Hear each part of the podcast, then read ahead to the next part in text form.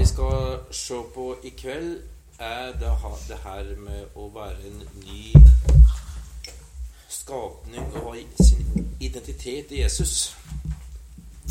Det startet Håvard med forrige forrige gang.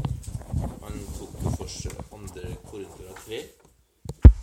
Hvis jeg husker rett. Jeg har hørt det på, på nettet for å forberede meg kveld. Så jeg tenkte bare jeg skulle Vi, vi har det som et bakteppe for det som eh, skjedde.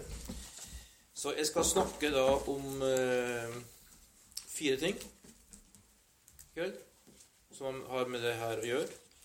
Det ene er at Gud møter oss. Neste blir at Jesus er for oss. Og det tredje er at Jesus er i oss. Og det fjerde er at det faktisk eh, Jesus eh, lever gjennom oss. Som alle de fire aspektene har med å ha identiteten sin Jesus gjør. Så skal jeg med på den eh, tenkinga. Eh, så kan vi starte i Matteus 16. Der har du et fantastisk eksempel på hvordan Jesus starter et liv, starter et, et, eh, arbeid i et menneskes liv. Jeg håper og tror at den starter slik hos oss også. Nemlig at eh, han samler noen, disipler, etterfølgere. Og så skjer det noen ting med de folka. Sånn at eh, når det blir litt forvirring, da Men hvem er egentlig han her Jesus? Du kan godt spørre i dag i Norge hvem er Jesus? De aller fleste som er litt etterrettelige, vil, vil si at Jesus har levd. For det er veldig enkelt å dokumentere. Det er mer dokumentert enn de fleste historiske tingene vi lærer i, i historiebøkene. Eh, så det er ikke noe vanskelig. Men hvilken Jesus tror vi på? Hvilken Jesus har, har levd, og hvem er han, og så videre. Så møter vi da møter vi da det spørsmålet her i Matteus 16 eh, og vers eh, 15. Da sier Jesus til disiplene sine Etter å ha fått masse forvirrende svar av hvem han er, så sier han Og dere, spurte han, hvem sier dere at jeg er? Da svarte Simon Peter, du er Messias, den levende Guds sønn. Jesus tok til orde og sa, Salig er du, Simon, sønn av Jonah, for dette har ikke kjøtt og blod åpenbart for deg, men min far, min far i himmelen. Og jeg sier deg, du er Peter. På denne klippen vil jeg bygge min kirke, og dødsrikets porter skal ikke få makt over den. Der har du et første avgjørende møte som jeg håper og tror at alle vi har fått med Jesus, nemlig at vi får en åpenbaring av hvem han er. Der vi kan si du er Messias, Guds salvede, Guds frelse, og det vil vi følge. Eh, Og et opplevelse da, av, av kan du si, kall til etterfølgelse, en opplevelse av livet mitt er ikke det samme, en opplevelse av at uh, nå skjer det noe her som får konsekvenser for hele livet mitt. Fordi at eh, det som er fantastisk, da, det er at det første Jesus sier til Peter etterpå, det er Du er ikke lenger et siv, men du er en klippe. For, for Simon betyr siv, Peter betyr klippe. Altså han er ikke lenger forvirra, uklar, fram og tilbake, veiver i vinden, som et siv gjør. Avhengig av omstendigheter, avhengig av vær og vind. Men han blir en klippe som står.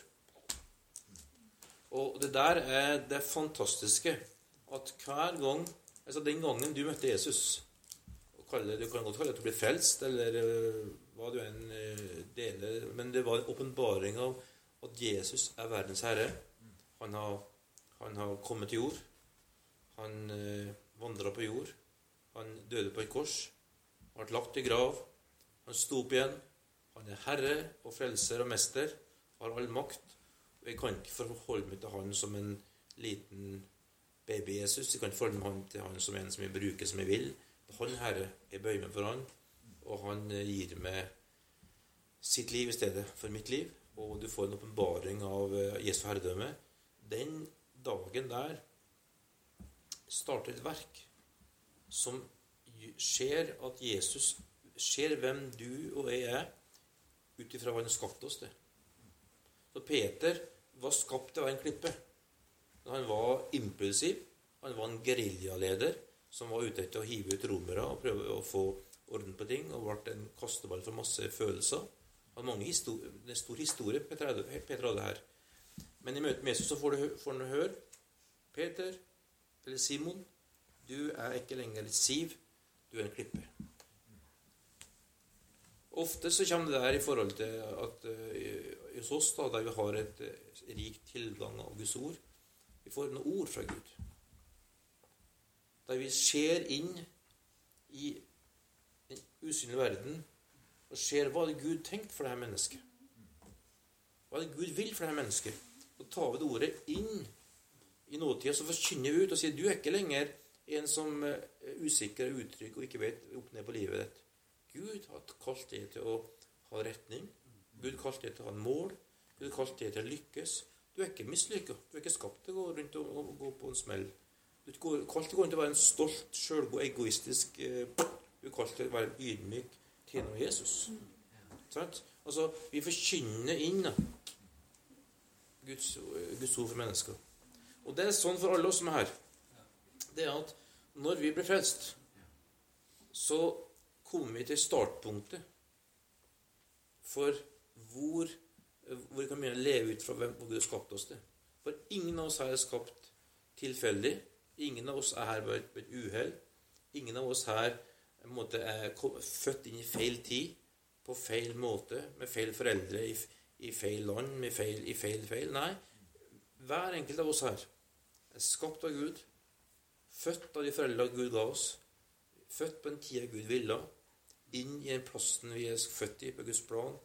Og alt som skjer med oss, har Gud en plan med. Og Gud har tenkt å demonstrere sin herlighet og se at alt som, er, som, Han har tenkt for vårt liv, skal lykkes. Punktum. Det er utgangspunktet. Og det starter med at vi bekjenner Jesus som Herre. Gud Messias. Og det er jo fantastisk, da, å ha et sånt utgangspunkt. Å vite at til og med så har vi kommet dit da, at, uh, alle ting det, det her er sterke ord, altså. Men hvis du tror på en allmektig Gud, så kan du si det også når, du, når ikke du forstår det. Alle ting tjener til det gode, som elsker Gud. Ikke at det er alltid godt. Det er bare å løfte litt på blikket og skjønne at det skjer vonde ting. Det skjer fæle ting. Det skjer vanskelige ting. Det skjer ting som er meningsløst og grusomt. Men når alt skal summeres opp, så tjener alt til gode, men som elsker Gud. Jeg har mange spørsmål rundt det der i min egen, egen vandring og erfaring. Men Gud er større enn mine spørsmål. Dine, dine spørsmål. Så det vil si at vi møter en Gud som gjør oss, som forteller oss at det her, her har vi kommet til verden. Gud har tatt tak i meg. Livet mitt har fått en hensikt, fått en mening, fått en retning, og jeg skal få bytte en forskjell. Den, det ligger hos alle som tror. Derfor er det veldig mange som eh, blir felt, som får det veldig vanskelig. Og plutselig skjønner de at Gud, har en, Gud har en mening i livet mitt. Gud vil noe med livet mitt. Og, og, du er ikke bare her for å nyte en, en, en god pizza og en, og en uh, halv liter, eller se tippekamp, eller dra på å kjøpe nye klær. Livet er ikke der.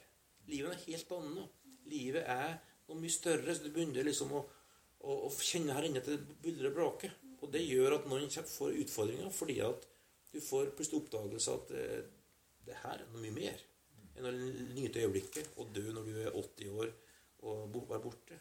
Du kommer inn i en forståelse av hensikt. Så det er fantastisk da å vite at Gud ser hvem vi er, og han med oss. Halleluja. Og det som da skjer, det er det som Markus 1,11 snakker om, som Jesus sjøl møtte når han kom eh, til jord og begynte å tjene Gud. Det er jo det fantastiske utsagnet som står der. Det er altså Jesus som eh, har vært anonym, blitt født hos Maria og Josef, vokst opp, har sannsynligvis i løpet av den oppveksten mista far sin. Det har vært, vært vært ikke noe snakk om han, bortsett fra søstre, brødre og Maria. Og så kommer han til Johannes og blir døpt. Og, eh, og så eh, står det at han eh, i vers kapittel 1 i Markus Han kom på vannet, og Den hellige ånd kom over han, og så lød en røst fra himmelen. Du er min sønn, den elskede. I deg har jeg min glede. Det her skjer uten at Jesus har gjort en eneste ting. Han har ikke gjort et eneste mirakel. Han har ikke gjort noe som helst annet nå å være en sønn hos Maria og, og vokse opp som en vanlig tømmermannssønn og gått eh, og blitt tømmermann. Og, eh, og har ikke gjort noe som helst. Men starter der. Du er min sønn. Den elskede. Det har jeg min glede. Det er et godt startpunkt. Og det er startpunktet vårt da, når vi eh, tar imot Jesus. Fordi at da kommer Jesus inn i oss. Vi kommer på rett plass i livet vårt. Og Gud ser oss og sier det samme til oss. Du er min datter, som jeg elsker. Det har jeg min glede. Er, for det er kun Gud som kan gi ubetinget kjærlighet. I bunn og grunn. For han er kjærlighet. Han har alle ting dekt. Han har alle behov dekt. Han har ikke behov for noe som helst. Han har ikke noe mangel, ingen, ingen behov. Han er fullstendig fullkommen. Så han kan øse ut av sin kjærlighet og si 'Jeg elsker deg på tross av du er min. Du skapte meg.' Han trenger ikke på kjærlighet. Trenger ikke på respons. Han trenger ingenting. Han bare øser ut, for han er kjærlighet. Derfor så er det en kilde til ubetinga kjærlighet hos han som kommer i møte med han, som bare er fantastisk. Så det er startpunktet. Det er en bra start for å, å ha en identitet i Jesus. Så, eh, så starter vi der, da. Med at vi, vi møter Jesus som eh, den han er. Så kan vi gå videre og begynne å se litt mer på at han er for oss. Og skjønne at han gjorde noe som vi kan ta del i. Og Da kan vi gå til Efeserbrevet kapittel 2. Her er jo, håpet kjent stoff. Alt er sagt hittil, men det er like bra for det.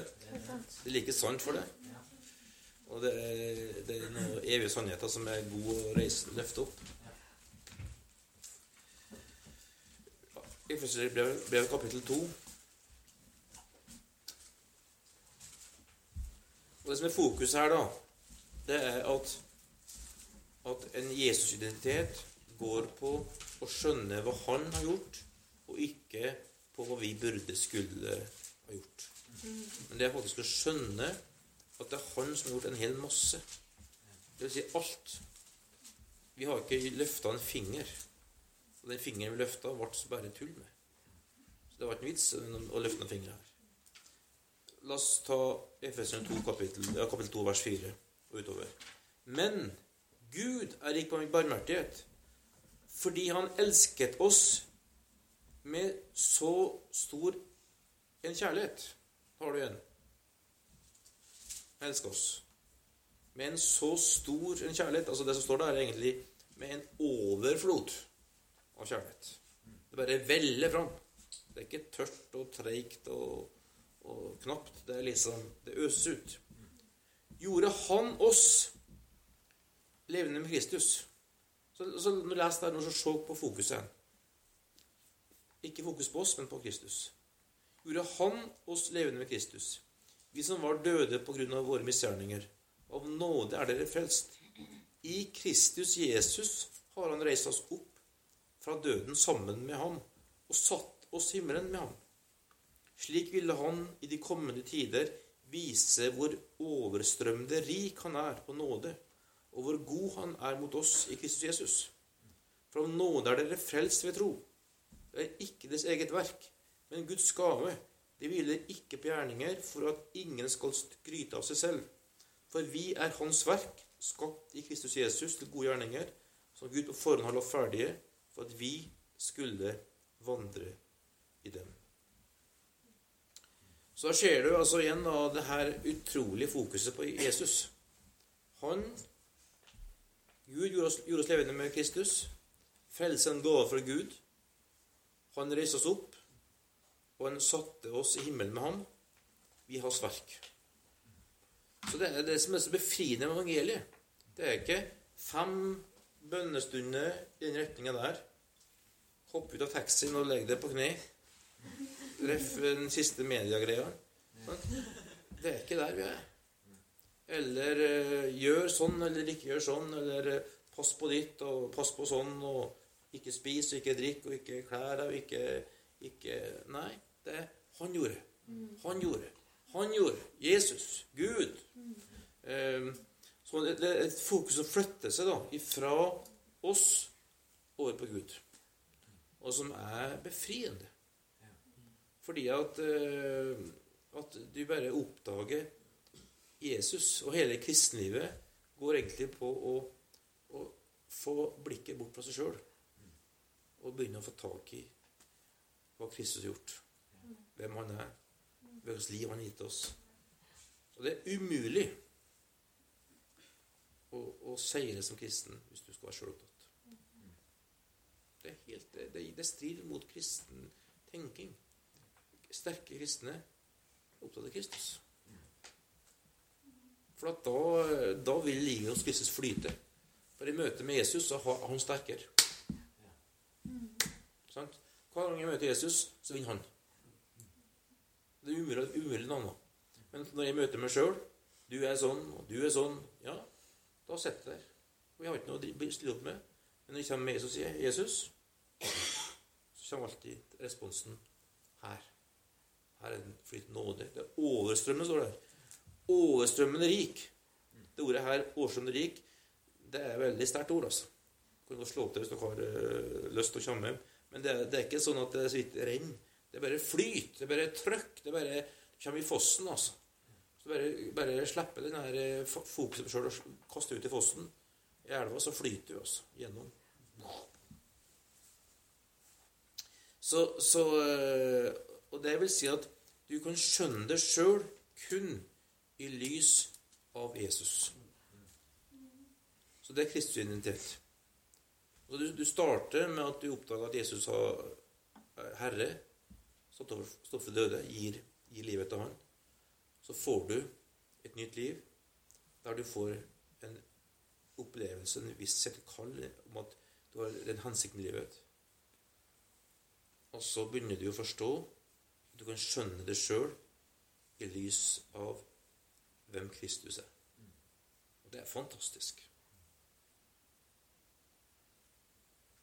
Og Bibelen er full av mennesker som har dårlige odds. Født på feil tid, født med feil foreldre, født med feil utfordringer. Altså. Men i møte med Kristus så får de fokuset bort fra alt det der og på Gud, og så begynner de å forandre alt rundt seg. Og det er bare helt uh, suverent hva du kan gjøre mennesker som møter han, og som har, som det står, blikket festet på han. Som står i Hebrevet.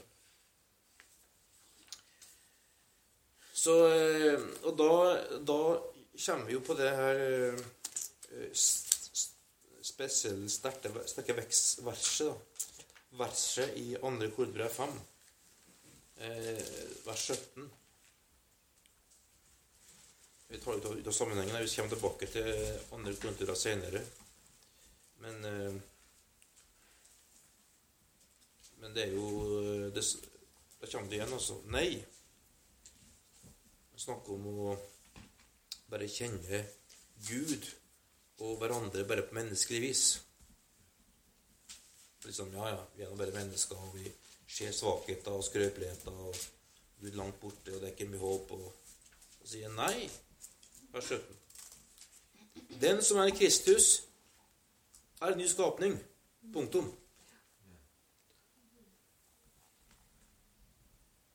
Det gamle er borte. Se, det nye er blitt til.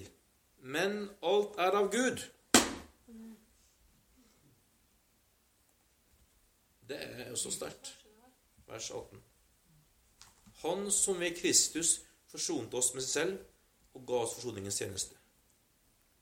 Så vi har en, fått et nytt liv. Og alt er av Gud. Hallo! Ut av sjølfokus, sjølvurdering, sjølevaluering, selv, selv, selv. Ut av det og begynne å si halleluja. Et nytt liv. Jeg møter så mange folk som jeg sier Hvis du bruker like mye tid til å fokusere på Kristus som du bruker på å evaluere deg sjøl, vurdere deg sjøl, tenke på deg sjøl og, og, dreie det og reise om din egen akse, kan det bli forandra i løpet av to-tre måneder. Garantert. Totalt forandra. For det er så mye energi som går rundt. Hvordan oppleves det her? Hvor folk tenker hvis vi gjør sånn? Var jeg, var jeg flink med det? Klarte det litt? Ah, hallo. Ut. Kristus.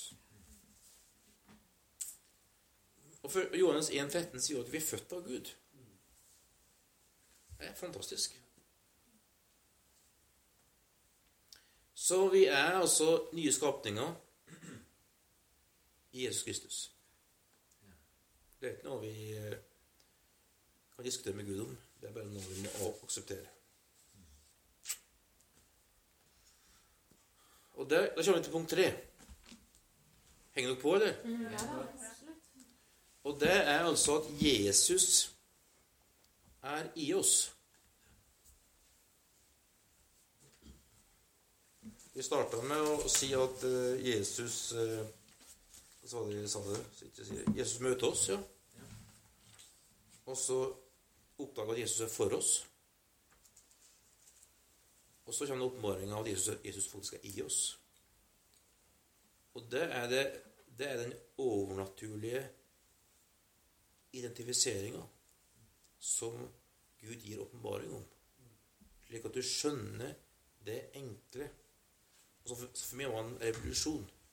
Nemlig at alt som skjedde med Jesus Kristus, skjedde med meg.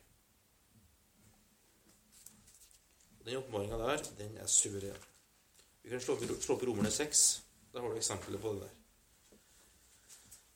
Der, han, der Paulus da underviser romerne, som eh, har en bakgrunn som ikke er jødisk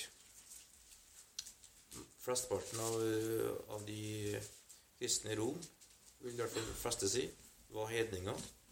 Derfor så er det en fin plass å lese og skjønne litt av den gamle pakt. Det å lese rombrevet.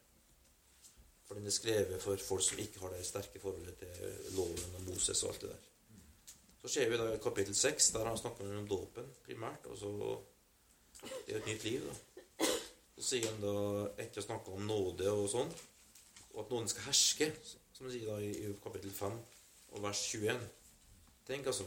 Den brukes sterke ord her. Nåden skal herske gjennom rettferdighet og gi evig liv. Så får han da, det klassiske spørsmålet. Ja, men da så? Da kan vi bare leve som vi vil. Vi kan bare fortsette å synde som vi vil, fordi at, eh, fordi at eh, vi er jo Noden hersker jo. Så det hjelper ikke vi kan, hva vi enn gjør, så har det å si. Det er en typisk reaksjon. Det møter vi i dag òg. Sånn som han møtte for 2000 år siden. Så, så sier han her i vers 1 i kapittel 6 Hva skal vi da si? Skal vi fortsette å synde, så nåden kan bli enda større? Det er er logisk. For han sier at nåden hersker. Altså nåden er sjef. Så synder du mye, får du mer nåde. Synder du mer, så får du enda mer nåde. Så det er bare fortsett å synde, så får du mest mulig nåde. Det er logikken der. For nåden er sjef. Punktum. Så han slett ikke. Hvordan kan vi som, vi som døde bort fra synden, fremdeles leve den? Eller vet dere ikke at alle som ble døpt i Kristus Jesus, ble døpt til hans død? Vi ble begravet med ham da vi ble døpt med denne dåpen til døden. Og som Kristus ble reist opp fra de døde med sin fars herlighet skal også vi vandre i et nytt liv.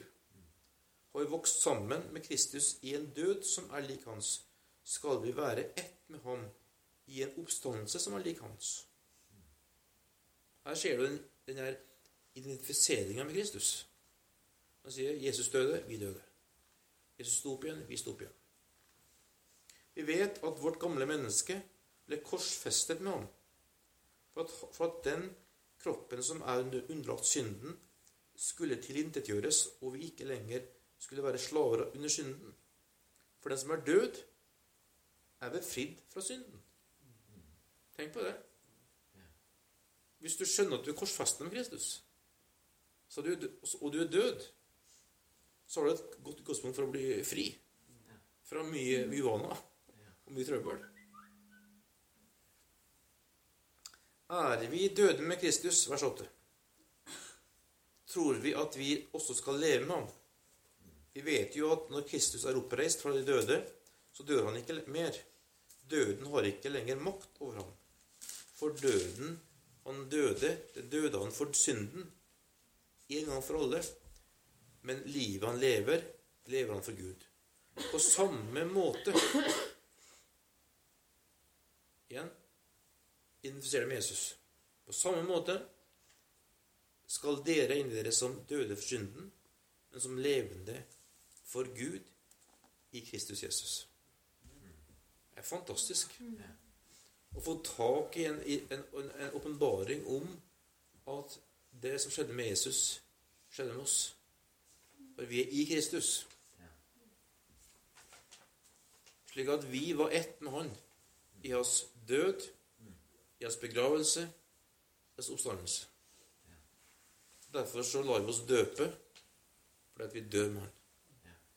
Derfor så døper vi med full neddykkelse. Fordi det er en dåp der du går under vann. Blir ett med Kristus i dåpen og oppreist til nytt liv. Og eh, Hvis ikke man døpte i hele ånd før, så blir man i hvert fall døpt når man står opp igjen fra den dåpsgrava. Så kan man kjenne til et nytt liv som er et veldig sterkt uttrykk for identifisering med Kristus. Og, eh, og, da skjønner vi at, vi at, det går an å bli fri, da. Ikke med å slåss, men med å ta og omfavne Jesus. Det er en helt annen måte å bli fri på. Jeg må dele et lite i det. Eh, jeg har kommet på noe når du leser her, at eh, eh det var en uke for noen år tilbake, så, så kom jeg på et eller annet jeg hadde gjort gærent. Og jeg, jeg, kom til Gud men jeg ba om tilgivelse. Men jeg klarte ikke å ta imot den tilgivelsen, så jeg bare kjente på fordømmelse. Og en hel uke gikk jeg og kjente på den fordømmelsen. Liksom, hvordan skal jeg bli fri fra det her? Jeg bare kjente tynga og tynga. Og så var det en dag jeg var satt og hadde tid med Gud, og så bare satte jeg litt tid til å høre, høre fra Gud, og så tenkte jeg bare på Romerne 6,14. Og så slo opp det, og så står det jo eh, Synden skal ikke herske over dere, for dere står ikke under loven, men under nåden. Mm. Og da bare bam! Da var jeg fri. Det var så konkret eh, forskjell. Altså, når, når ja, Guds ord om det her, det er frihet. Fantastisk. Veldig bra. Det er sånn det Det er åpenbaring. Ja. Halleluja. Vi kan gå til andre kor. 5, 14. Dere, dere henger med i Guds ord? Ikke det? Ja. det er jo skikkelig skikkelig bibelmåltid. Det er jo hensikten med de kveldene. Her ser du det samme igjen med, Jesus, med identifiseringa med Jesus. Der sier jo Paulus eh, vers 14 for Kristi kjærlighet tvinger oss. Vi vet at én er død for alle. Derfor er de alle døde. Og han døde for alle, for at de som lever, ikke lenger skal leve for seg selv, men for ham som døde og sto opp igjen. Du kan ikke få det mer tydelig enn det her, altså. Jesus døde, derfor at vi døde. Og for at vi er døde, så slipper å leve selvisk, sjølopptatt, egoistisk liv. Du er fri fra det. Du må leve for ham. Og så går det videre da på vers 16. Så kjenner vi ikke lenger noen som bare menneskelig vis. Så du slutter å leve for deg sjøl, du lever for Han, og du gir det til folk. Det er fantastiske greier. Det er et skikkelig eh, Kristusliv. Det kommer, det her kommer til å forandre Trondheim by, altså. Mer enn det. Jeg blir nesten oppmuntra av å lese det. Jeg må ha sett mer, så blir jeg enda mer.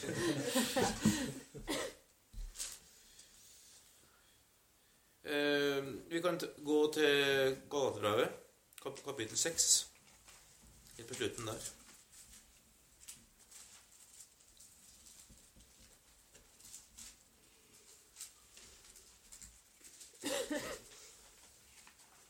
Vers 14. Men jeg vil aldri være stolt av noe annet enn vår Herre Jesu Kristi kors. For ved det er verden blitt korsfestet for meg, og jeg for verden. For det som betyr noe, er ikke å være omskåret eller uomskåret, men å være en ny skapning. Det der, er, det der har du eh, igjen denne forståelsen av at korset som Jesus var tenkt opp på, der var vi med han. Og der døde vi fra oss sjøl. Og da har vi vært, vært i grava. Vi gjelder oss døpe. Vi oppretter et nytt liv. Og vi kunne leve et liv der ingen andre enn Kristus har taket taket på oss. Tenk på det. I den verden vi lever i, som har så mye fokus på fasader, ytre styr og press, hva vi burde gjøre, hva kulturen forventer, hva, hva eh, kravene rundt omkring oss.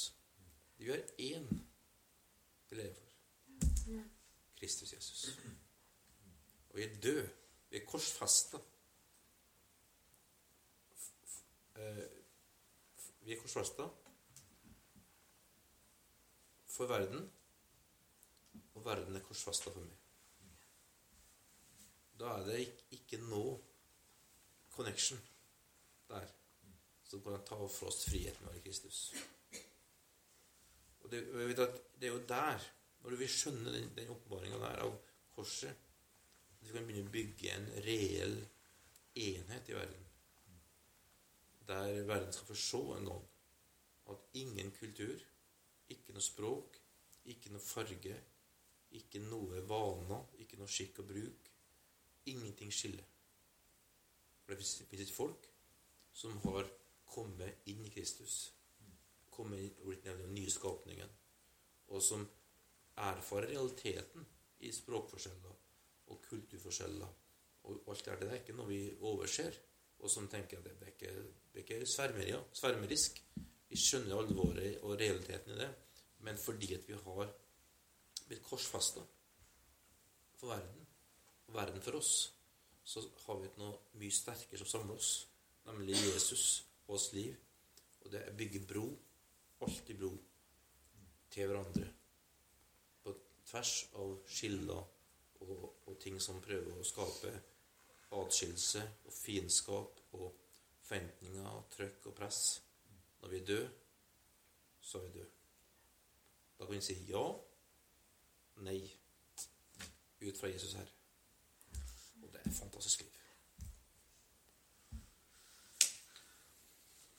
Jeg skal lese uh, The Message i engelske Message på norsk uh,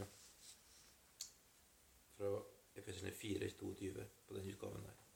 Alt, og jeg mener alt, knyttet til, knyttet til den gamle måten å leve på, må gå. Det er pill råttent. Bli kvitt det.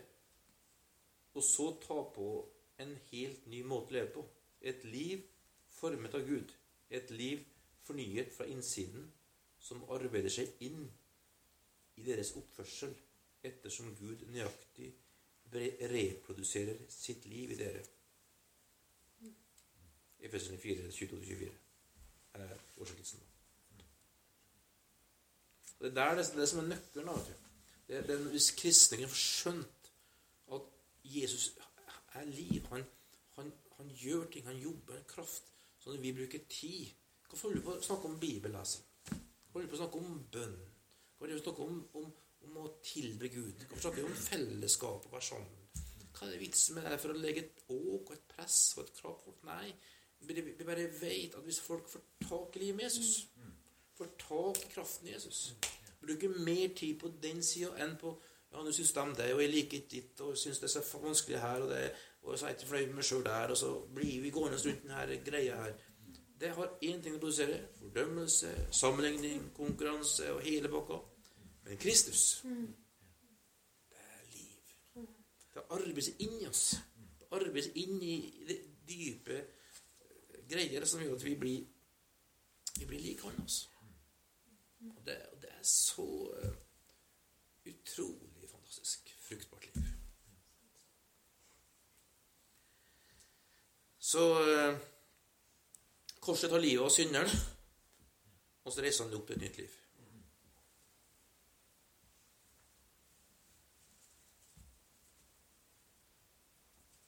Og så blir du fri til å ikke leve for deg sjøl. Det fins ikke noe det finnes ikke noe verre tror jeg, i livet enn å være alene. Leve for seg sjøl. Vi leste i andre Korinterbrev 5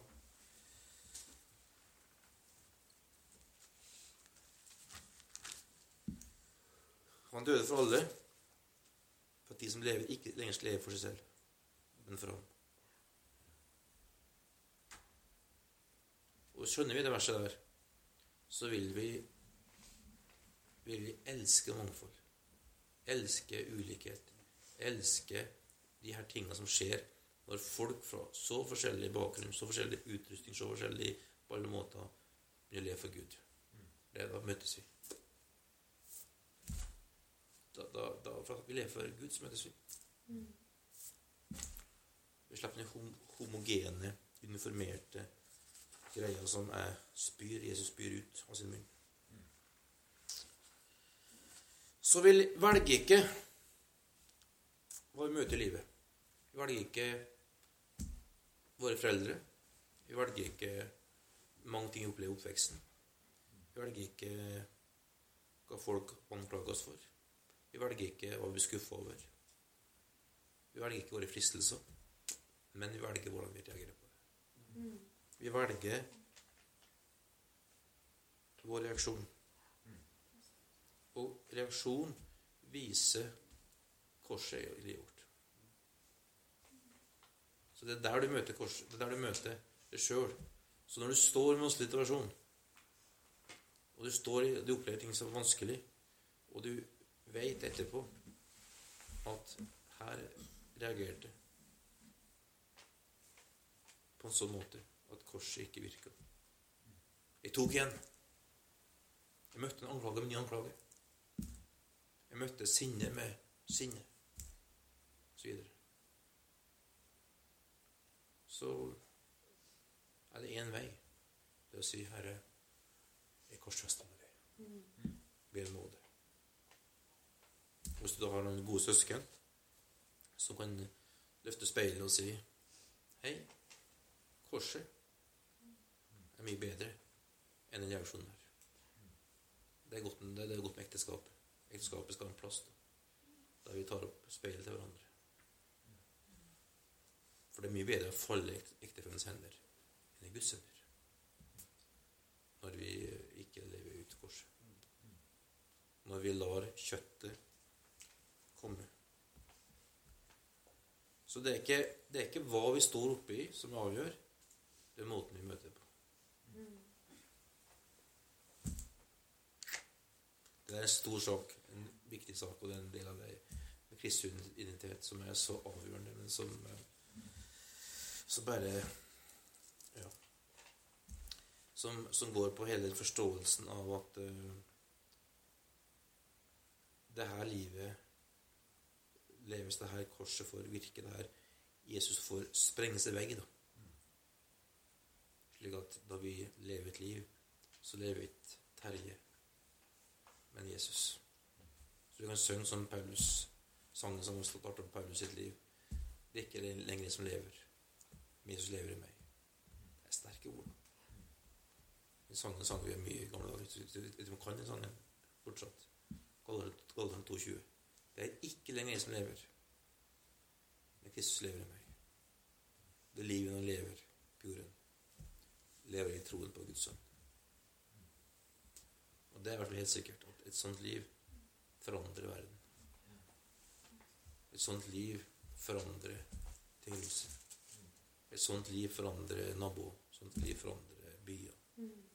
Et sånt liv forandrer land. land. Så det er, det er ikke det er ikke rart jeg som brukte tid på de tolv. Jeg visste at de, de kunne forandres. Den forandringen på de tolv kunne forandre hele verden. Han fikk helt rett. Så i stedet for å bruke tid til masse mirakler og, og greier etter å stå opp igjen, står det i Lukas at han brukte tid med tolv. Han eh, gjorde ingen, tydeligvis ingen offentlige mirakler etter oppstandelsen for å skape blest rundt seg sjøl. Gjorde masse mirakler. Han gikk jo gjennom vegger, og han sto jo på der. Okay, han, levde, han lever jo i ny, ny, kropp. Han levde, levde, jo i Guds liv. Men altså, han gjorde ingenting for å få oppmerksomhet. Gjorde én ting. Invester. Invester.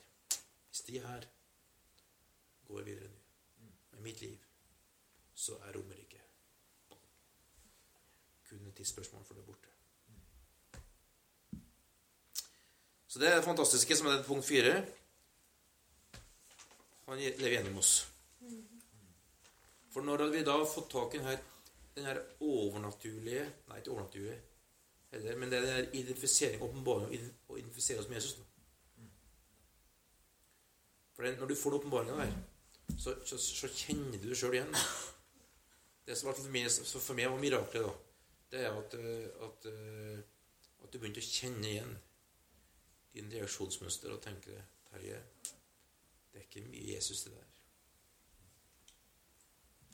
Sånn at du slipper å ta runden med hele konsekvensen. Men du kan si til deg sjøl, før Lise og alle andre tar det Terje ikke. Ok. Herre, jeg er død. Takk skal du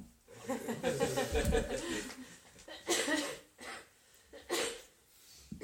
Og det der eh, nøkkelen til det er et liv i Hellig Ånd. For det er den smørjelsen. Det er den flyten. Det er ikke tar nedpå så mye.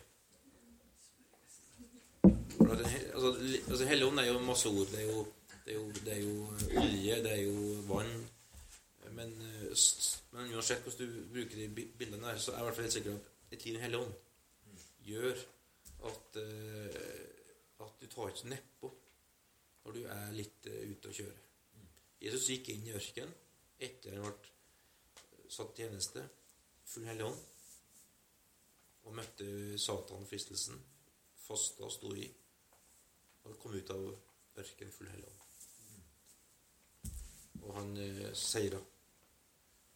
Og Jesus sier jo i Johannes 20, 21 Slik Gud sendte meg, sender jeg dere han på dem sa ta imot ånd.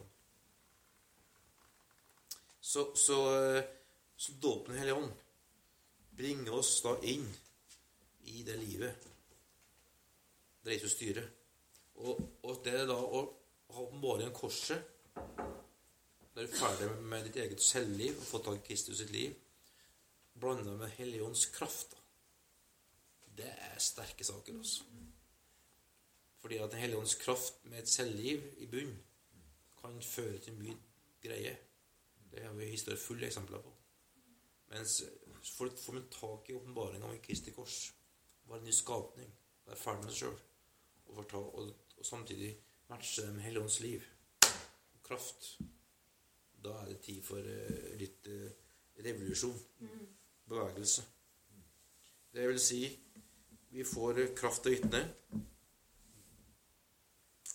Og vi faktisk, eh, sånn som 1. Korinter 12,13 sier, at vi skjønner at vi er døpt med én ånd til å være én kropp. Det i seg sjøl er jo et, en, en viktig åpenbaring. Vi kalt være en kropp. Som Guds folk. Og så får du da det her utrolige greia ut, da. Som eh, skjer når Den hellige ånd får eh, tak i oss. Eh, og og vi er ferdig med sjølivet. I Galaterne 5, vers 16 står det Lev et liv i ånden. Sammen i vers 22. Men åndens frukt er kjærlighet. Det er glede, fred, overbærenhet, vennlighet, godhet, trofasthet, ydmykhet og selvverskelse. Sterke ting. Det er gode ting. Vi kan godt si at kjærlighet er det samme som å være givere. Det bryr oss. Glede er takknemlighet. Fred er forsonlighet og være brobyggere. Overbærenhet er å være nådig og like ulikhet og mangfold. Vennlighet er imøtekommenhet og gjestfrihet. Godhet er omsorg og raushet. Trofasthet er å stole på være utholdende. Ydmykhet er å glede seg over andres sin suksess. Sjølbeherskelse er ikke vært sur og klag. Det, er, det smaker godt, det her. Hæ? Det der er en god smak. Og det der er altså livet, livet i hele Ånd. Sånne folk har jeg lyst til å være sammen med. Altså. Du kjenner det? Åh. Og sånne folk tiltrekkes av tilsvarende folk. Så, så, så det, det nye livet er jo bare helt fantastisk.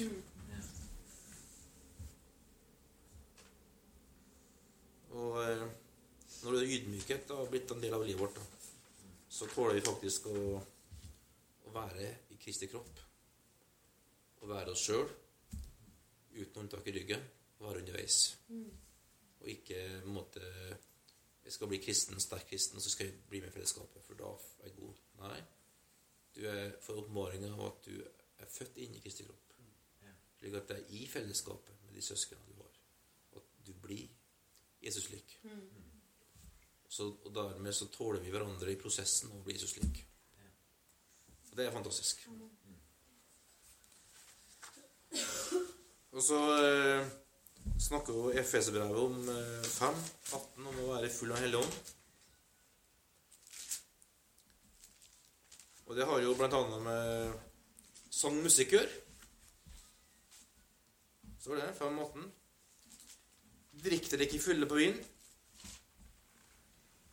Det fører til utskillelser. Blir fylt av ånden.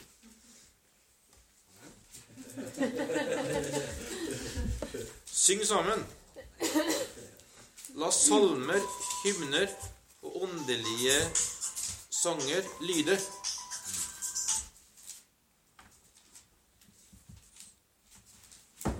Til opptakeren så er det her en telefon til min kjære elskede fru Dale, som eh, blir kløpt ut av opptaket når det er over. Halleluja. Det var, det var åndens frukt som gjorde det her.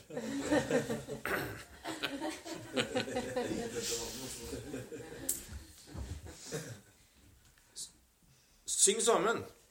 La salmer, hymner og åndelige sanger lyde.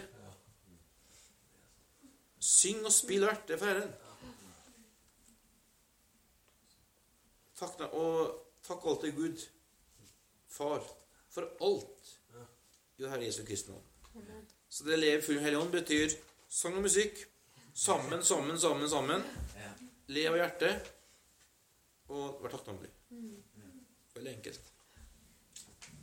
Men eh, Men eh, min bønn i hvert fall er at, eh, at det her eh, skal bringe hver enkelt av oss inn i en eh, en hunger til Gud. En kristisk fokus, Slik at vi kan slippe oss sjøl i denne selvsentrerte, individualistiske verden vi er en del av, og som kryper inn i alt det vi holder på med. For kulturen vår er så prega av det her. At vi er en del av det, enten vi vil eller ikke. Så skal vi ikke være en del av som et tydelig bevisst valg. Et tydelig bevisst eh, beslutning. Ikke som en motreaksjon, men som en åpenbaring av Kristus. Som gjør at vi, vi eh, begynner å bruke energi, fokus på de tingene der. Og så vil livet fra Jesus begynne å flyte. Så vil han begynne å ta bolig og ta, få plass. Og vi får eh, merke at han både Han er både, både for oss, og han er i oss, og han lever gjennom oss.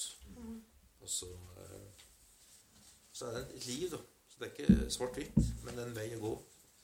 Og så eh, kan vi sammen med de hellige fatte høyden og lengden og bredden og dybden.